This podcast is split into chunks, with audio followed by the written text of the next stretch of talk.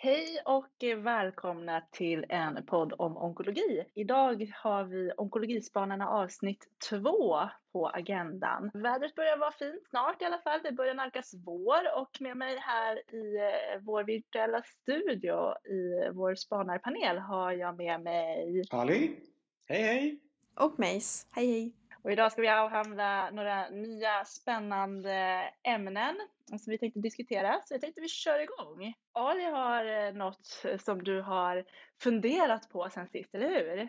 Absolut. Och eh, eh förra avsnittet så pratade jag om eh, cancer i sociala medier och populärkultur. Så nu tänkte jag ta upp ett ämne med lite mer så här vetenskaplig touch. Och Eh, Eh, jag har hunnit nörda ner mig lite grann i eh, frågan om eh, luftföroreningar och cancer. Och jag nämnde lite kort för er, mig och Lisa, innan vi, när vi liksom stämde av inför det här, att, för jag tycker det här är superspännande, men det blir en liten rant så vi får se vad ni, vad ni tänker och tycker. Och det här är ju liksom inte ett ämne som jag känner mig särskilt bevandrad i sedan tidigare, alltså liksom kopplingen mellan luftföroreningar och cancer. Även om man då och då hör att det finns ett samband. Men när jag var på ESMO i höstas så snackades det en del om ett av föredragen på det som heter eh, Presidential Sessions tror jag det heter. Men det är där man väljer ut några liksom, presentationer av lite mer banbrytande forskning. Och då var det en brittisk forskare som pratade om nya rön vad gäller kopplingen mellan luftföroreningar och utveckling av icke småcellig lungcancer. Och det gjorde att jag blev lite nyfiken så nu har jag fastnat i det. Och alltså att vi håller på att förstöra planeten genom eh, att liksom rubba ekosystem och minska biologisk mångfald och sådana saker är ju för de allra flesta helt självklart och ett liksom uppenbart faktum.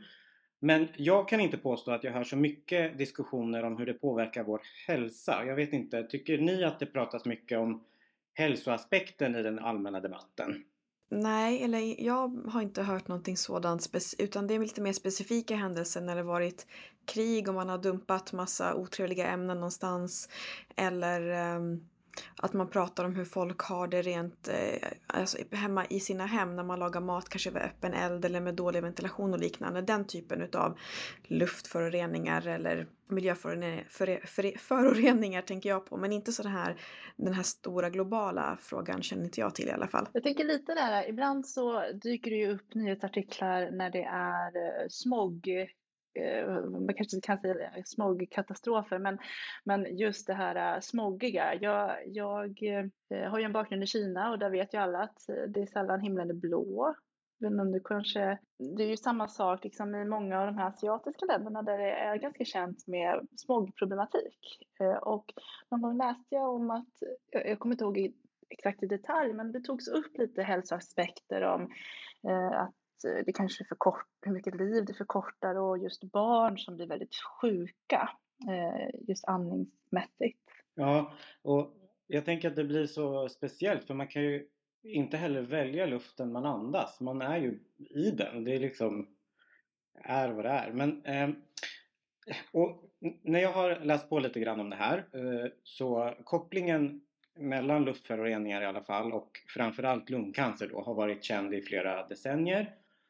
Och eh, när jag kollade runt, jag hittade någon, något utdrag ur en artikel från British Medical Journal från 50-talet någon gång där man anger som huvudsakligt eh, två misstänkta orsaker till ökande incidens av lungcancer och då sa man ett air pollution, två smoking of tobacco. Men det som tydligen har varit ett väldigt stort problem är att man hittills inte har kunnat påvisa ett tydligt kausalsamband mellan höga koncentrationer av förorenad luft och utveckling av lungcancer. Man har inte sett någon molekylär mekanism som förklarar utan det har mer handlat om att man har sett en association. Så som en enkel liknelse om man tänker på association till exempel att vi på sommaren sätter på oss solglasögon och äter mer glass betyder inte att solglasögon gör oss mer glassugna. Det är inte samma sak. Det ena förklarar inte det andra.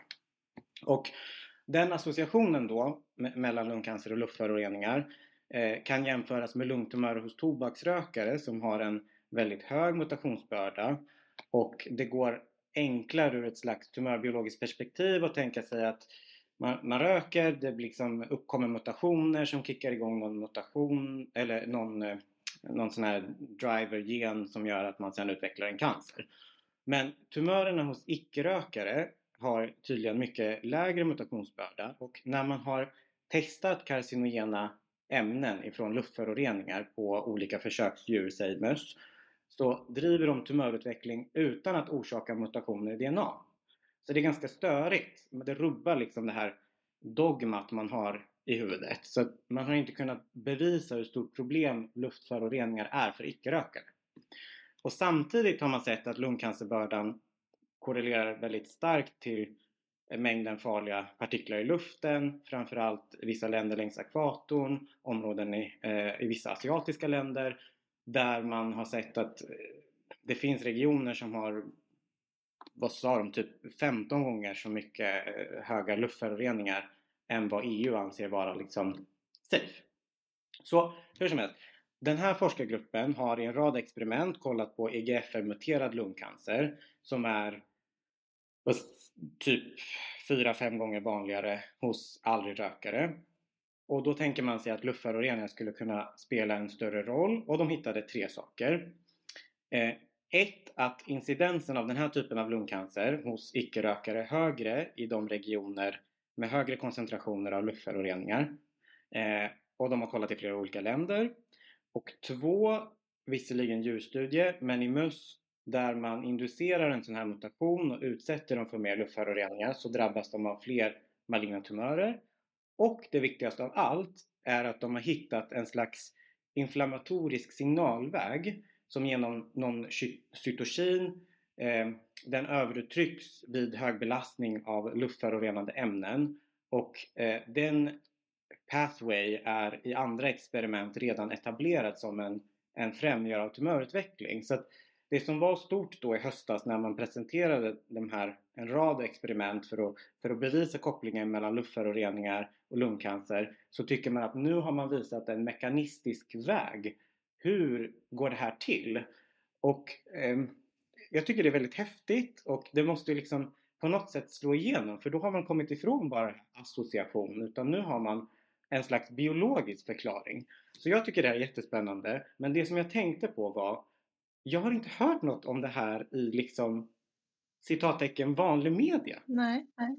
Jag tänker att det är jätteviktigt. Det, det är någonting som förut, det, det, kan inte bara vara ansvar hos klimatforskare att prata om till exempel luftföroreningar och sådana saker. Det måste finnas ett intresse från medicinsk vetenskaplig community och driva de här frågorna och pressa på liksom beslutsfattare eh, och, och, hur vi ska...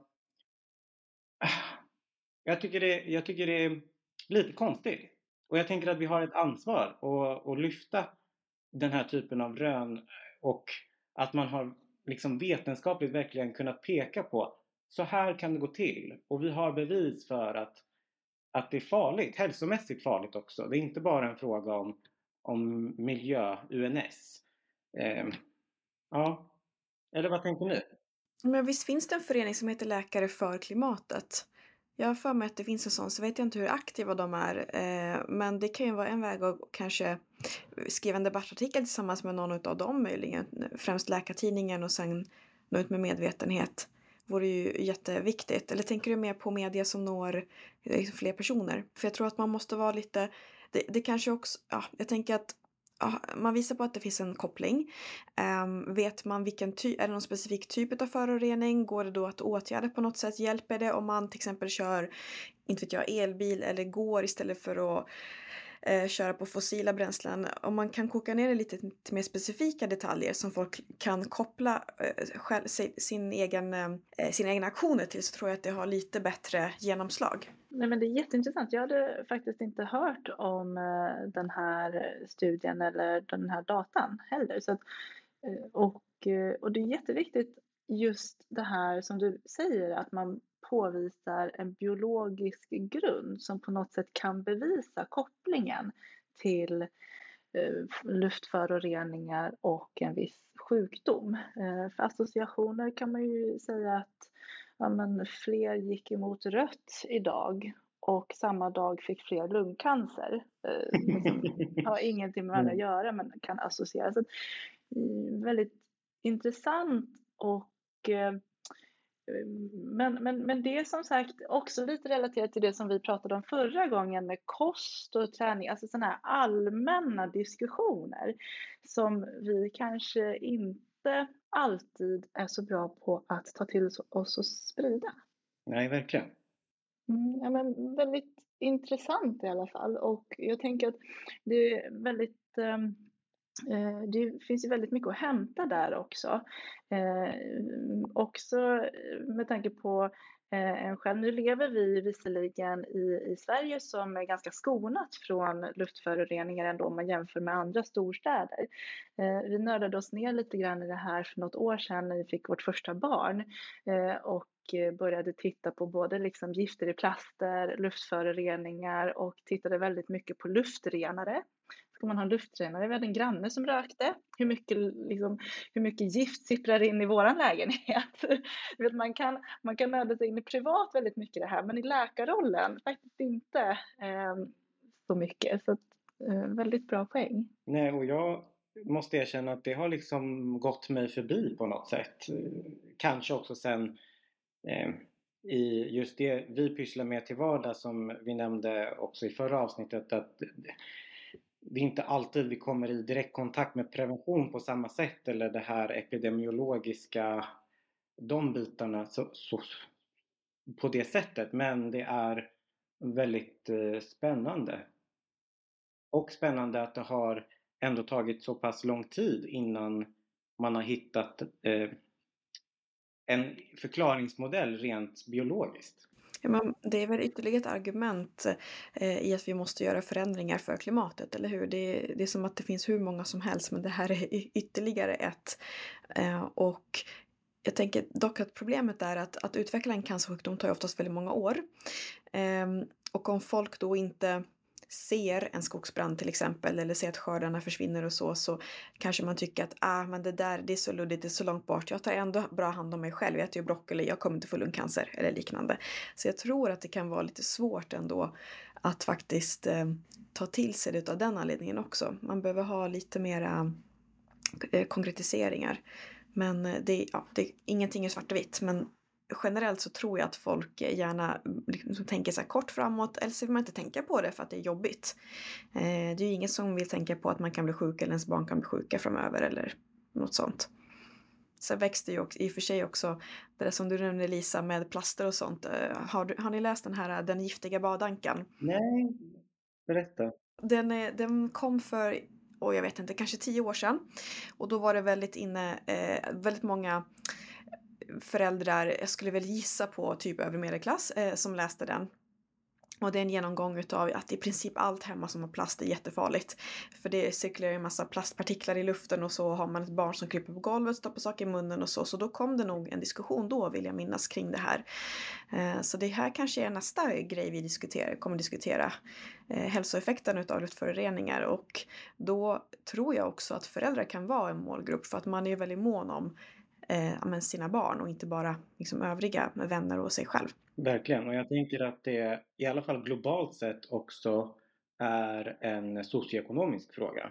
Eh, beroende på vart man bor eh, kan man bli utsatt för olika halter av olika ämnen. Eh, och att man har man möjlighet att flytta ifrån ett område så kanske man gör det. Men har man inte möjlighet så är man där. Men ehm, Meis, du eh, hade med dig något, eh, ett helt annat ämne, eller hur? Ja men precis. Ehm, det handlar om, eller först vill jag fråga er, har ni varit på onkologidagarna någon gång?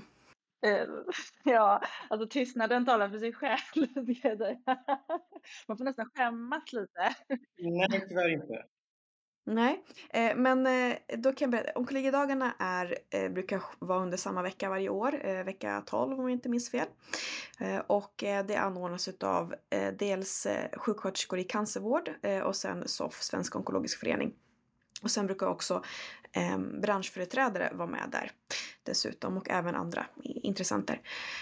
och det finns ju också kirurgveckan och radiologiveckan och säkert andra veckor också. Eh, men det här är, går av stapeln under knappt en vecka varje år och eh, det cirkulerar så att vartannat år är det i en lite större stad och vartannat år i en lite mindre stad. Och eh, det är en mix utav ett vetenskapligt program där man får ta del utav eh, ja, men vilka studier pågår i Sverige, kanske senaste ändringar i vissa vårdprogram, eh, spännande avhandlingar och liknande, abstract. Men det är också ett väldigt fint tillfälle att nätverka och träffa andra kollegor eh, och andra yrkeskategorier som jobbar med cancervård som sjukgymnaster och eh, alla möjliga. Eh, och jag var på den i år och tyckte att det var den i Kalmar.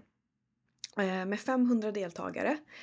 Och nu vet ni ju redan, för jag tror jag har skrivit det till er, men, men kan ungefär hur många del, deltagande var läkare? Jag minns inte vad du skrev för siffra Meis, men det var en minoritet.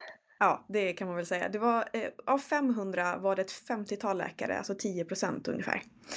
Eh, vilket jag tyckte var jättesynd därför att eh, Eh, det är ju ett värdefullt tillfälle för oss att verkligen kunna träffa varandra och jag tänker särskilt sen när man blir specialist att man eh, kanske inte åker på olika ST-kurser och liknande längre ju och eh, då inte träffar kollegor på samma sätt. Jag har lite egna tankar kring vad det här beror på som vi pratat om lite grann på förhand men vad tänker ni? Vad skulle kunna vara orsaker till att just den här konferensen inte är så välbesökt av läkare? Alltså jag tänker ju väldigt mycket eh, eh, kring det här att man är under ganska mycket tidspress. Man måste alltid prioritera vad man åker på, både som ST-läkare och specialist. Eh, och kanske då att de här eh, vetenskapliga mötena eh, alltid går före.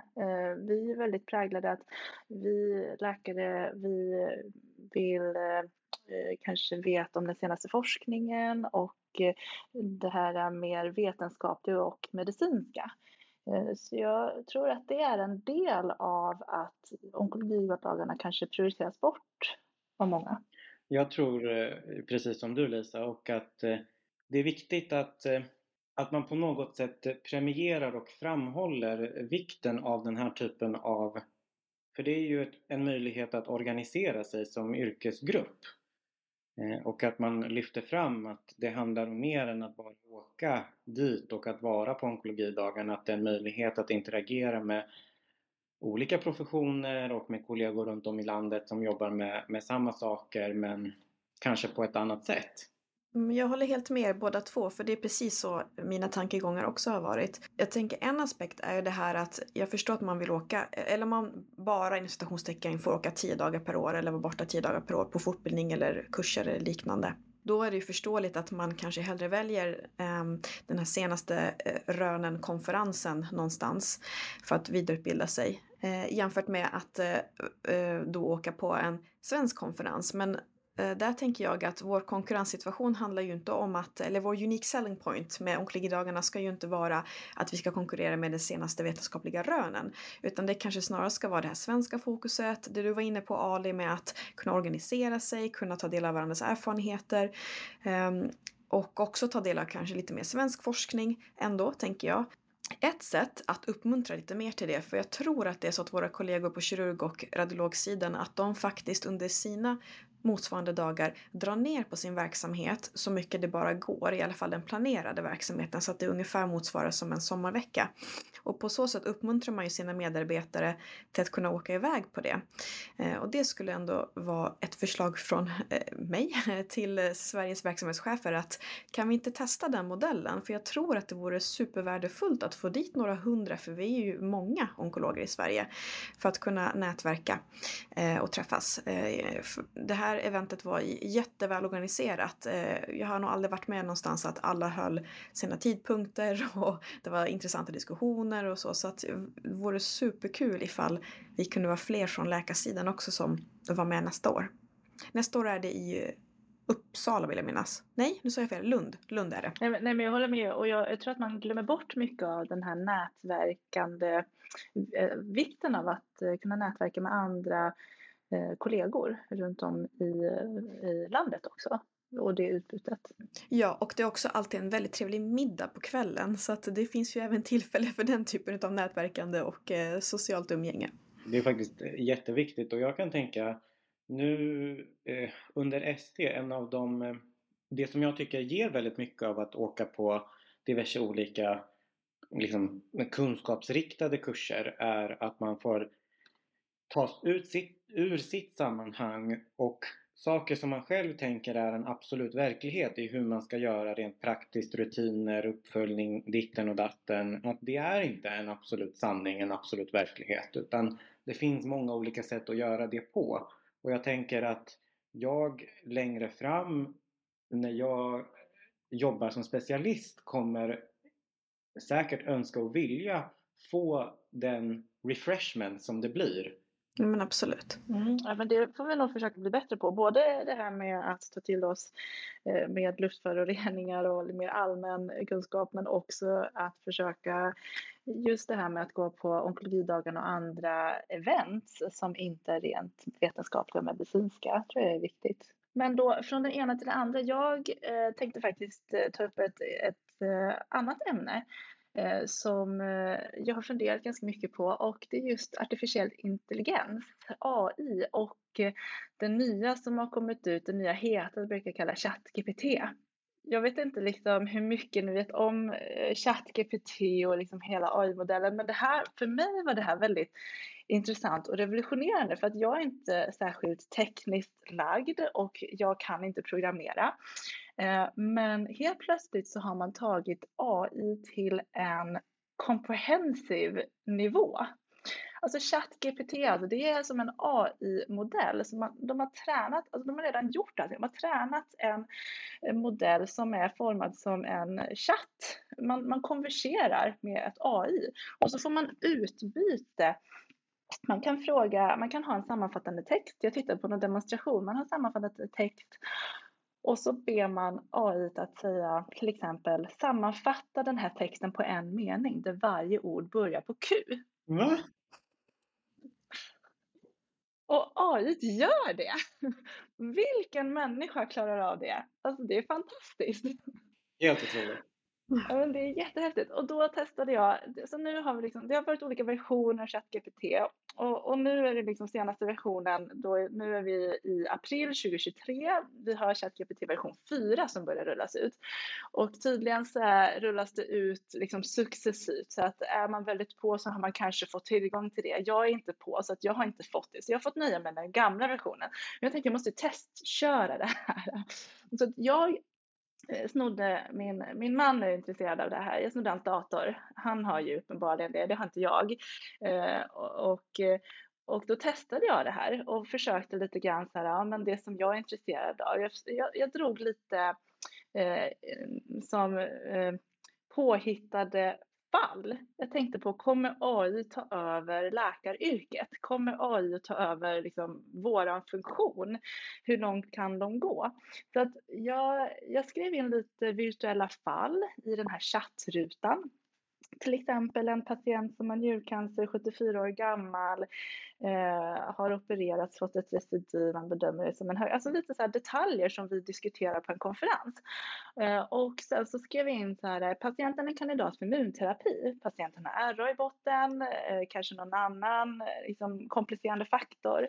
Eh, och eh, den här, eh, till svar så fick jag ändå ganska eh, Mm, liksom bra svar. Den resonerade kring immunterapi, eh, njurcancer och att den hade RA som kanske skulle vara då en kontraindikation för immunterapi. Men sen slutar den med då att eh, det är ju alltid den behandlande onkologen eller läkaren som bedömer lämpligheten. Så ett korrekt svar ska vara.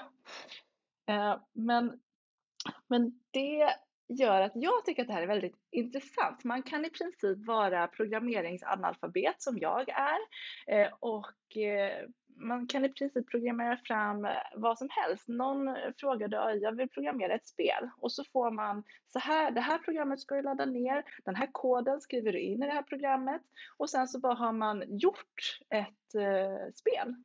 Vad, vad, vad tror ni, kommer de, liksom, kommer de ta över? Vår, kommer vi bli arbetslösa? Jag tänker att eh, jag tror inte vi blir arbetslösa. Det är väl lite samma diskussion som det här med att man införde självskanning i, i ICA-butik. Och jag, först, jag fattar att en helt annan nivå. Men, men liksom analogen, bear with me. Eh, och då har vi inga fler kassörskor. Vi har ju fortfarande kvar dem, kanske lite andra arbetsuppgifter. Och jag tänker att vi kanske pushar gränserna för ännu mer kvalificerade uppgifter. Eller att vi i bästa fall kanske kan lämna mycket administration till exempel. Få fokusera mer på patientmöten.